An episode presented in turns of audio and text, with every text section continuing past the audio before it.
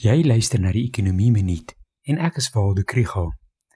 Hierdie week hou ons 'n oog op data wat dui op die herstel van die ekonomie in die 4de kwartaal en die nuus lyk maar kommerwekkend.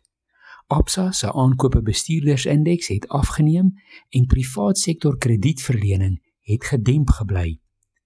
Privaat sektor kredietverlening het met 3,2% toegeneem in Oktober en is net so bietjie meer as die 3,1% van September. Dit blyk dat huishoudings en besighede is versigtig om meer lenings aan te gaan al is rentekoerse baie laag.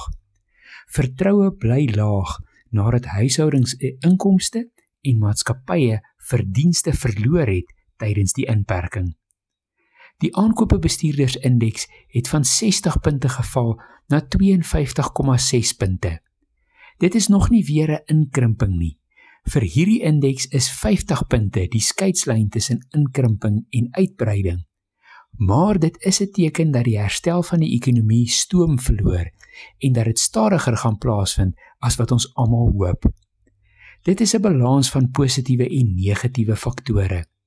Die hoop rondom instowwe help met vertroue dat veral internasionale handel na normaal kan terugkeer. Maar die besnoeiings wat nodig is om die staat se finansies op 'n gesonde voet te kry, kan die plaaslike ekonomie die wind van voor gee. As jy meer van die ekonomie wil leer, volg die ekonomie blok.